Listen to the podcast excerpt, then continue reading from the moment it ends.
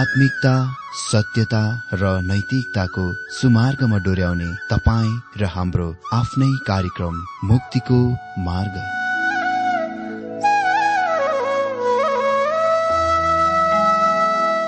आदरणीय श्रोता यस मुक्तिको मार्ग कार्यक्रममा हार्दिक स्वागत छ। आशा छ यस आत्मिक कार्यक्रमद्वारा जीवनमा आत्मिक आशिष अलौकिक शान्ति र आनन्द प्राप्त गर्नुहुनेछ। र जीवनमा धन्य अनुभव गर्नुहुनेछ। आउनुहोस् श्रोता मन र आत्माको तयारीको लागि यो मिठो अनि मधुर भजन गीत सुनौ।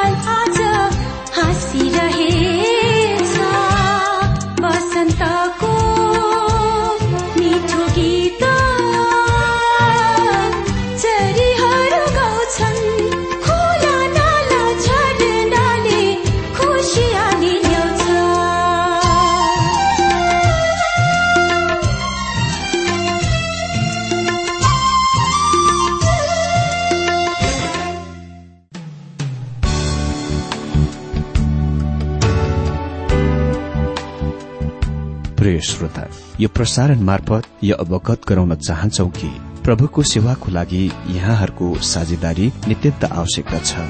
यहाँहरूले प्रार्थनाको साथसाथै आर्थिक सहायता गर्न अनुरोध गर्दछौ। तपाईँहरूको सानोभन्दा सानो भेटी किन नहोस्? हामी प्रभुको नाममा स्वीकार गर्नेछौ प्रभुको सेवाको लागि। तपाईँहरूको यो सानो लगानीले कसैको जीवनमा भिन्नता ल्याउँछ अनि प्रभुको महिमा हुन्छ। प्रभु तपाईँहरूलाई महान गरी आशिष दिनुहुनेछ। इच्छुक श्रोताहरूले तपाईँको इच्छा भेटी हाम्रो ठेगानामा पठाउन सक्नुहुन्छ जुन ठेगाना हामी कार्यक्रमको अन्तमा दिनेछौ। प्रिय श्रोता मित्र प्रभु येशु ख्रिस्टको मधुर अनि सामनामा यहाँ सबैलाई मेरो जयमसी तथा हार्दिक स्वागत छ आजको यो बाइबल अध्ययन कार्यक्रममा। श्रोता आज हामी बाइबल अध्ययन जकरिया एघार अध्यायबाट आरम्भ गर्न गइरहेका छौं। यो अध्यायले दण्डहरूको खण्ड भागको अन्त गर्दछ जुन ख्रिष्टको पहिलो आगमनसँग सम्बन्धित छ। यसले हामीलाई रोमीहरूको अवधिको तिर ल्याउँदछ। यो समयभन्दा पहिले वा अघि जुन मकाबी अवधि थियो अति नै धेरै अन्धकारमय अवधि थियो। हामीले देखिसकेका छौं कि जकरिया आशाको भविष्य वक्ता थिए। धेरै बाइबल विद्वान र टिप्पणीकारहरूले यसतिर ध्यान खिच्दछन्। अनि यसको वास्तविक अर्थ हो परमप्रभु याद गर्नुहुन्छ। यो अति नै चाखलाग्दो छ कि पुरानो नियममा परमेश्वरको लागि बोल्ने उसको आवाज एक अन्तिम आवाज हो। नयाँ नियम ख्रिष्टको अग्रदूत बत्तीसमा दिने युहानालाई जन्म दिने एलासिबाको पति अर्को जकरिया नाम गरेको मानिसका स्वर्गीयदूत प्रकट हुनु भएर शुरू गर्नुहुन्छ वा खोलिन्दछ। आरम्भ हुन्छ। जकरिया केवल आशाको भविष्य वक्ता मात्र थिएनन् उनी सत्यको पनि भविष्य वक्ता हुन्। आशाको भविष्य वक्ता हुने कुरा मात्र काफी छैन किनभने त्यो झुट्टा आशा हुन पनि सक्थ्यो। जस्तो कि झुट्टा भविष्य वक्ताहरूले मानिसहरूलाई दिइरहेका थिए। अस्थायी रूपमा त्यो भौतिक रूप त्यहाँ ठूलो आशिष हुन गइरहेको छ। तर पश्चिमबाट अन्य गर्ने विजयकर्ताहरू पहिले अलेक्जेन्डर महान त्यसपछि रोमी सेनाहरू आइरहेका थिए। यसको मतलब हो इसरायलका मानिसको लागि अति नै ठूलो यातना दुःख कष्ट। यस अध्यायले उहाँलाई उहाँ प्रजाका असल गोठालाको रूप पेश गर्दछ। असल गोठाला जसले आफ्नो जीवन भेडाको लागि दिनुहुनेछ त्यसपछि अर्को गोठालालाई पेश गरिएको छ। मूर्ख गोठाला जुन अति नै धेरै समयपछिबाट आउनेछ उसले ख्रिस विरोधीको चित्रित गर्दछ। त्यो जो भेडाको ऊन काट्नेछन् र मासुको आहारको निम्ति मानेछन्। मित्र आज खालि हामी जकरिया एघार अध्यय एकदेखि एघार पदसम्म बाइबल अध्ययन गर्नेछौ। यहाँ हामी मुख्य विषय देख्नेछौ मसिहाको इन्कार गर्ने कामबाट परिणाम स्वरूप दण्ड आउनेछ। जकरिया एघार अध्ययको एक पदमा लेखिएको छ ए लेमनान तेरा ढोकाहरू खोल ताकि आगोले तेरा देवदारलाई भस्म पारोस्। मित्र यो प्रतिज्ञाको कथन जस्तै सुनै पर्दैन। यसले यो कुराको प्रकट गर्दछ जकरियाको समयपछि पनि इसरायलका मानिसहरूका तितर बितर छरपट्ट हुनेछन्। म सोच्दछु यो रोमीहरूद्वारा पूरा गरिएको थियो। रोमीहरूले उही विधि तरिकाको प्रयोग गरे जुन अलेक्जेन्डर महानले प्रयोग गरे। तिनीहरू उत्तरबाट आए। यदि तपाईँ आज लेबनानमा जानुहुन्छ भने तपाईँले बेरुतको माथि एक नदी देख्नुहुनेछ जुनलाई डक नदीको रूपमा जानिन्दछ। त्यहाँ त्यो नदी समुद्रतिर बही जाने प्रवेशद्वारा पहाड़का बीचबाट भएर खस्दछ जुनमा धेरै पहाड़का भित्ताहरूमा लेखेका शिलालेखहरू छन्। प्रत्येक महान राष्ट्रका प्रत्येक महान सेनापति त्यहाँ भएर अगाडि बढे वा गए र तिनीहरूले त्यहाँ पत्थरमा आफ्ना नामहरू खोपे। मित्र सम्पूर्ण सेनापतिहरू त्यस बाटोबाट भएर आए किनभने यसलाई महान चिराबाट रारको आरम्भको रूपमा जानिन्दछ। जुन द्वीपसम्म विस्तृत हुन्छ फैलिन्छ र उत्तर अफ्रिकासम्म फैलिन्दछ। गालिलको समुद्र यर्दन नदी र मृत समुद्र सबै महान दरारको भाग हो। यसरी जकरिया यहाँ विजयकर्ताको अगाडि बढ्ने कुराको वर्णन गरिरहेका छन् जो पलिस्तिनमा आइरहेको थियो। भनिएको छ आगोले तेरा देवदारहरूलाई भस्म पारोस्। केदारको देवदारहरू अति नै प्रसिद्ध थिए। सुलेमानद्वारा निर्मित मन्दिर प्राजस्व गरेर लेबनानको केदारको रूखबाट बनिएको थियो। केदारका रूख आज धेरै मात्रामा लोप भएको छ। आज त्यहाँ अति नै कम केदारको रूप छोडिएका छन्। यो चाहिँ हिउँ पर्ने क्षेत्रहरूमा जाडो ठाउँमा बढ्दछ। वास्तवमा लेमनानको मतलब हो सेतो अर्थात हिउँ। जुनको नाम त्यस ठाउँको हिउँले ढाकिरहेको पर्वतहरूबाट लिइएको छ। महान दरार तिनीहरूको ठिक छेउबाट झर्दछ। त्यो भूतकालका महान विश्व विजयकर्ताहरूको लागि महान मार्ग थियो जस्तै मिश्र बाबेल मादी फारस सिरिया ग्रिस र म सोच्दछु यहाँ जकरिया पलिस्तिनमा रोमी आइरहेको कुराको पनि वर्णन दिइरहेका छन्। दुई पदमा लेखिएको छ ए सल्लोको रूख बिलाप गर किनकि देवदारहरू ढलेका छन् र अग्ला र सुन्दर रूखहरू नष्ट भएका छन्। ए बसानका फलाटका रूखहरू बिलाप गर किनभने घनगोड जंगल फाँडिएको छ। मित्र यहाँ ती विश्व विजयकर्ताहरू आफ्नो सेनाहरूको सहित त्यस मुलुकबाट अगाडि बढ्दा त्यसको परिणामको देख्छौ प्रभावको देख्छौ कि कसरी त्यो जंगलहरू उजाड पारिएका थिए। अनि तीन पदमा लेखिएको छ गोठालाहरूको बिलाप सुन। तिनीहरूको सुन्दर खर्क नष्ट पारियो।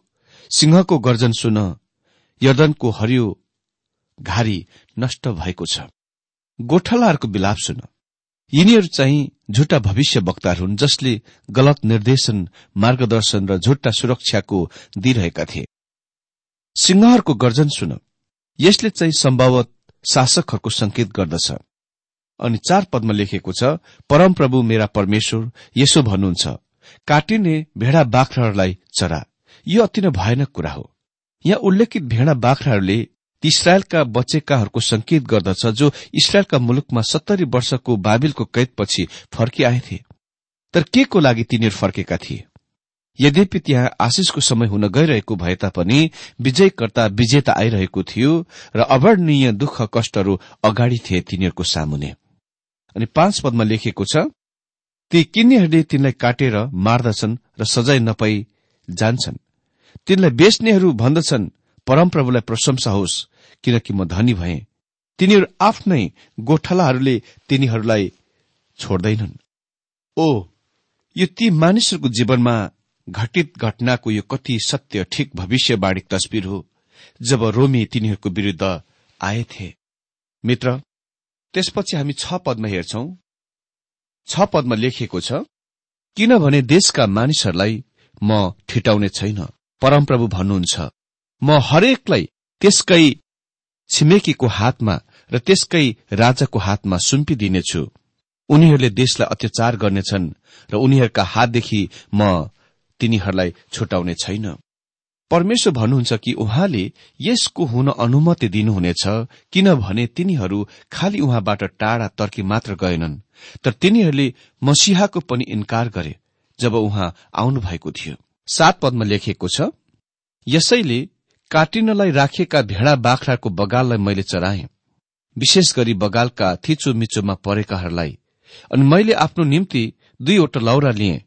एउटाको नौ मैले अनुग्रह राखे र अर्कोको एकता र मैले बगाललाई चराएँ यसैले काटिनलाई राखेका भेडा बाख्राको बगाललाई मैले चराएँ र विशेष गरी बगालका थिचो मिचोमा परेकाहरूलाई।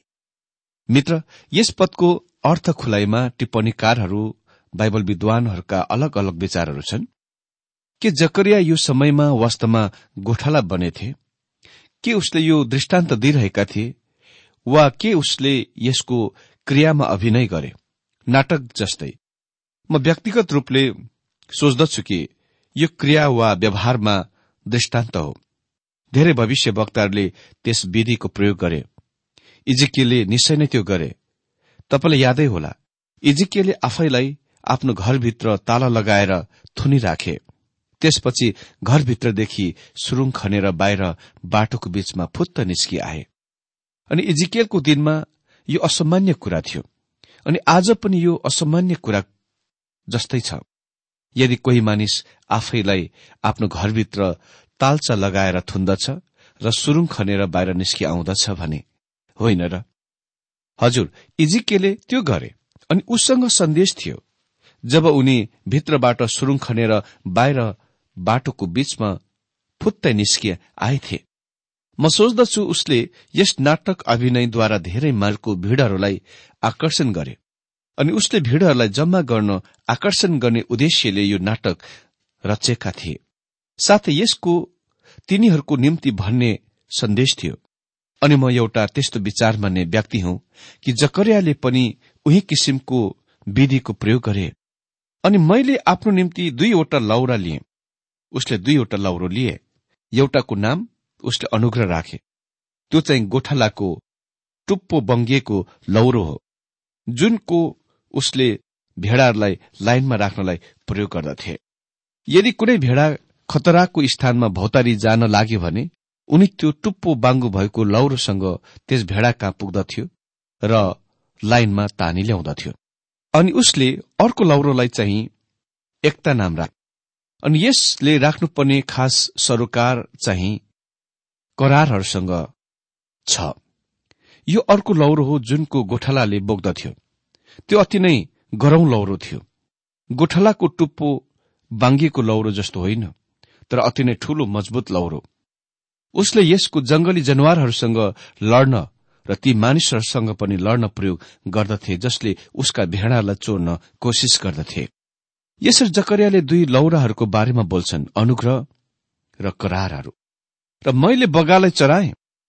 म सोच्दछु कि जकरियाले यो अक्षरुष रूपमा साँच्चै नै त्यही नै गरे। अनि आठ पदमा लेखिएको छ मैले तीनजना गोठालाहरूलाई एकै महिनामा हटाएँ। त्यस बगालले मलाई घृणा गर्यो। म तिनीहरूसँग वाक्क भएँ। मैले तीनजना गोठालाहरूलाई एकै महिनामा हटाएँ। यसले चाहिँ सम्भवतः भविष्य वक्ताहरूको संकेत गर्दछ। अनि नौ पदमा लेखिएको छ मैले भने म तिमीहरूको गोठाला हुने छैन। मर्नेहरू मरिरहन् नष्ट हुनेहरू नष्ट भइरहन् र बाँचिरहनेहरू चाहिँ एउटाले अर्काको मासु खाउन् म विश्वास गर्दछु कि यहाँ जकरियाको झुट्टा भविष्य वक्ताहरूको विरूद्धमा बोलिरहेका छन्। र परमप्रभु कहाँ मानिसहरूले ल्याइरहेका सबै प्रकारका बलिदानहरूको विरूद्ध उनी बोलिरहेका छन्। हामी मलाकीबाट यो कुरा सिक्छौ त्यस दिनमा कोही कोही मानिसहरू कन्जुस थिए र दशांश दिन पनि चाहँदैनथे तिनीहरू आफ्ना जनावरहरू परमप्रभुको निम्ति बलिदान गर्न ल्याउन मन पराउँदैनथे त्यसकारण यदि कुनै मानिससँग बुढो कमजोर बिमार पशु थियो भने उसले आफ्ना केटाहरूलाई त्यो मर्नभन्दा पहिले त्यसलाई मन्दिरमा लगेर बलिदान गर्न भन्दथ्यो। त्यसपछि तिनीहरू यस्तो बहाना बनाउँथे कि तिनीहरूले परमप्रभुलाई तिनीहरूका एक बलियो असल पशु दिए। मलाकीको भविष्यवाणी त्यस्ता पाखण्डी बोकले नक्कली काम गर्ने कुराको लागि त्यस्ता मानिसहरूको विरूद्धमा निर्दिष्ट छ। निश्चय नै परमेश्वरले त्यस्तो भेटी वा बलिदानको ग्रहण गर्नुहुने छैन। मर्नेहरू मरिरहन्। त्यसको मतलब यसले छिटो छिटो गरेर मारेर त्यस भेटी बलिदानको लागि प्रयोग नगर। यसको मतलब छिटो छिटो गरेर मारेर त्यस भेटी परमप्रभुको निम्ति बलिदानको लागि प्रयोग नगर। उसले तिनीहरूलाई इमान्दार हुन र आफ्नो व्यवहारहरूमा एकदम सफा विश्वासयोग्य हुनलाई आग्रह गरिरहनु भएको छ। दश पद तब मैले मेरो अनुग्रह नामक लौरो लिएँ र सबै जाति जातिहरूसित बाँधेको करार रद्द गरेर त्यो भाँचे भनिएको छ तब मैले मेरो अनुग्रह नामक लौरो लिएँ। अनि जकरिया भनिरहेका छन् कि त्यसलाई टुक्रा टुक्रा गरी काट्न गइरहेका छन्। यसले चाहिँ यो सूचित गर्दछ परमेश्वरको अनुग्रह हटाइनेछ झिकिनेछ देख्नुभयो जब परमेश्वरले आफ्ना जनहरूलाई प्रतिज्ञाको मुलुकमा राख्नुभयो उहाँले तिनीहरूलाई आशिष दिन र तिनीहरूलाई तिनीहरूका शत्रुहरूबाट सुरक्षा दिन प्रतिज्ञा गर्नुभयो। परमेश्वर सत्तरी वर्षको बाबेलको कैदबाट प्रतिज्ञाको मुलुकमा वापस फर्की आएका ती बाँकी रहेका इसरायलीहरूसँग अनुग्रहमा व्यवहार गरिरहनु भएको थियो। पछाडि जकरिया दश अध्यय छ पदमा परमेश्वरले भन्नुभएको कुरा हामी हेर्छौ म यहुदीहरूको घरनालाई पार्नेछु र युसुफको घरनालाई बचाउनेछु। म तिनीहरूको पुनस्थापन गर्नेछु किनभने म तिनीहरूमाथि कृपा किनभने तिनीहरूमाथि मेरो कृपा छ। परमेश्वरले यो तिनीहरूको निम्ति यस कारणले गर्न गइरहनु भएको थिएन किनभने तिनीहरू योग्य थिए वा तिनीहरू आज्ञाकारी थिए। तिनीहरू आज्ञाकारी थिएनन् तिनीहरू अनज्ञाकारी थिए। तर पनि परमेश्वर तिनीहरूसँग कृपामा व्यवहार गरिरहनु भएको थियो। तर त्यहाँ त्यस्तो समय आउने थियो जब उहाँको कृपा थकित हुने थियो र त्यसपछि उहाँले आफ्ना करार झिक्नुहुने थियो। उहाँ कति पनि कृपामा तिनीहरूसँग व्यवहार गर्नुहुने थिएन। वा तिनीहरूप्रति कति पनि अनुग्रही भइरहनु हुने थिएन। भनिएको छ सबै जाति जातिहरूसित बाँधेको करार रद्द गरेर त्यो भाँचे। परमेश्वरको यो तात्पर्य के हो? जब उहाँ भन्नुहुन्छ उहाँले आफ्नो करारको भाँच्नुहुनेछ के उहाँले हामीलाई पटक पटक भनिरहनु भएको छैन? शास्त्रमा कि उहाँले कहिले पनि आफ्नो करारको भाँच्नुहुने छैन? अमित्र हामीले शर्तीय र असर्तीय करार बीच भिन्नताको बुझ्न आवश्यक छ। परमेश्वरले कहिले पनि असर्तीय करारको तोड्नुहुन्न भाँच्नुहुन्न तर शर्तीय करार चाहिँ मानवतर्फबाट प्रति जवाबमा आश्रित हुन्छ। हाम्रो सामने यस पदमा उल्लेखित करारहरू शर्तीय स्तरका करार हो। इसरायलीहरूको तिनीहरूको शत्रुबाट सुरक्षाको सम्बन्धमा परमेश्वरको प्रतिज्ञा उहाँप्रति इसरायलको आज्ञाकारितामाथि आश्रित हुन्छ। जब तिनीहरूले उहाँको आज्ञा उल्लंघन गरे अनङ्गीकारी भए उहाँले तिनीहरू आफ्नो रक्षाको हटाउनुभयो। यो नै अर्थमा उहाँले आफ्ना करारहरू तोड्नुभयो हामीसँग यसको नयाँ नियममा उदाहरणहरू छन्। उदाहरणको निम्ति युहान चौध अध्यायको चौध पद अनुसार परमेश्वरको प्रतिज्ञा हो। यदि तिमीहरूले मेरो नाममा कुनै कुरा चीजहरू माग्छौ भने म त्यो तिमीहरूको निम्ति गर्नेछु। यो शर्तीय प्रतिज्ञा हो। डाक्टर हेरी आइरनसेड एक रात सभा मिटिङको दौरानमा मञ्चमा एकजना जवान पास्टरसँग बसिरहेका थिए। एकजना जवान केटी मिटिङ सभामा प्रवेश गरिन् र पास्टरले डाक्टर हेरीलाई भने कि त्यो केटी सुसमाचारमा आफ्नो सदस्यहरूको बीचमा अति नै धेरै सक्रिय सदस्य थिइन्।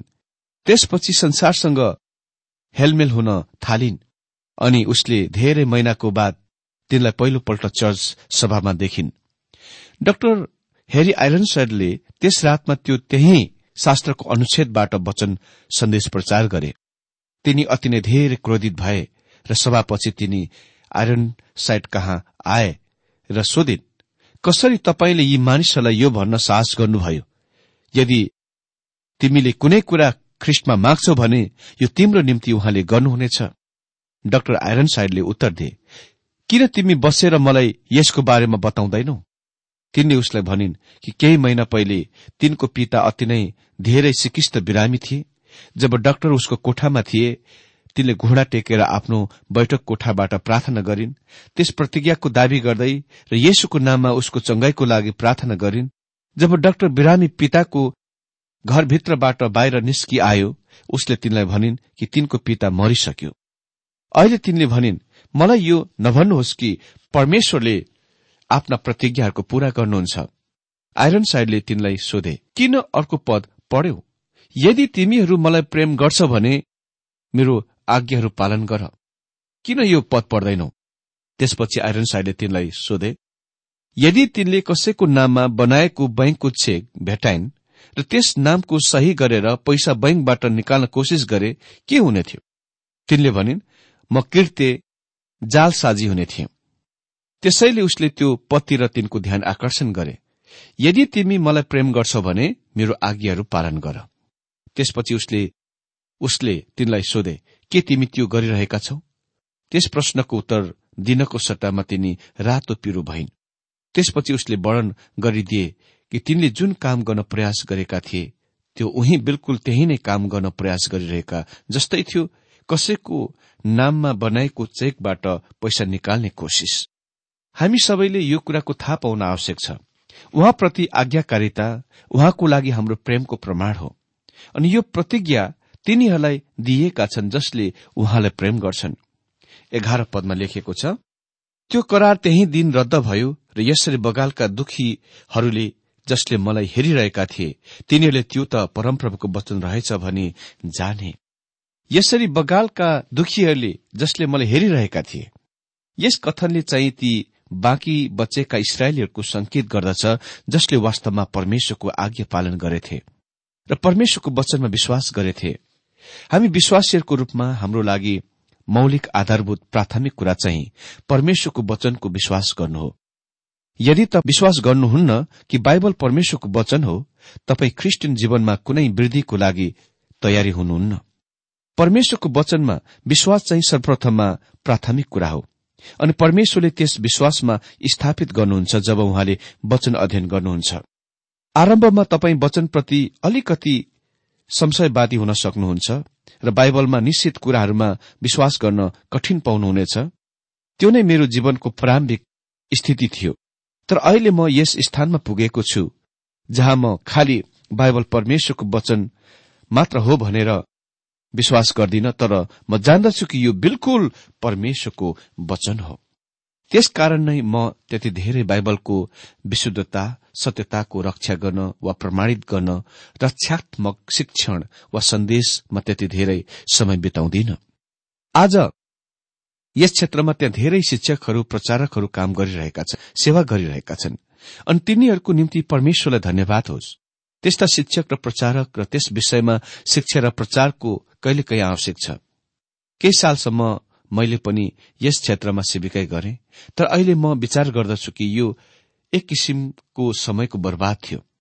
म स्वर्गीय डाक्टर बब सुलरले प्रयोग गरेको उदाहरणको अति नै मन पराउँछु। एक दिन उसले भने यदि तपाईँको आगमनमा खेतमा पिंजडाभित्र सिंह छ भने तपाईँ आसपासका बिरालो कुकुरहरूबाट सिंहलाई रक्षा गर्न पिंजडाको ढोका नेर राख्न गार्ड खटाउनुहुन्न। तपाईँले गर्नुपर्ने आवश्यक कुरा नै पिंजडाको ढोका खोल्नुहोस् अनि सिंहले आफ्नो स्वयंको आफैले सम्हाल्दछ त्यो महान नमूना हो। अनि मैले यसको आफ्नो सेविकाईमा पछ्याउन कोसिस गरेको छु। म खालि परमेश्वरको वचनको ढोका खोल्न प्रयास गर्छु र त्यसले आफ्नो आफैको प्रमाणित गर्दछ। त्यसले आफै स्वयंको संरक्षण गर्दछ। मैले आसपासका कुकुर बिरालाबाट त्यसको रक्षा गर्न आवश्यक छैन। म खालि परमेश्वरको वचन जस्तो छ त्यस्तै नै दिन्छु जकरे भनिरहेका छन् बगालका दुखीहरू जो बाँकी रहेका ती सत्य ईश्वर भक्त ईश्वरीय इसरायलीहरू थिए जसले विश्वास गरे कि त्यो परमेश्वरको वचन थियो।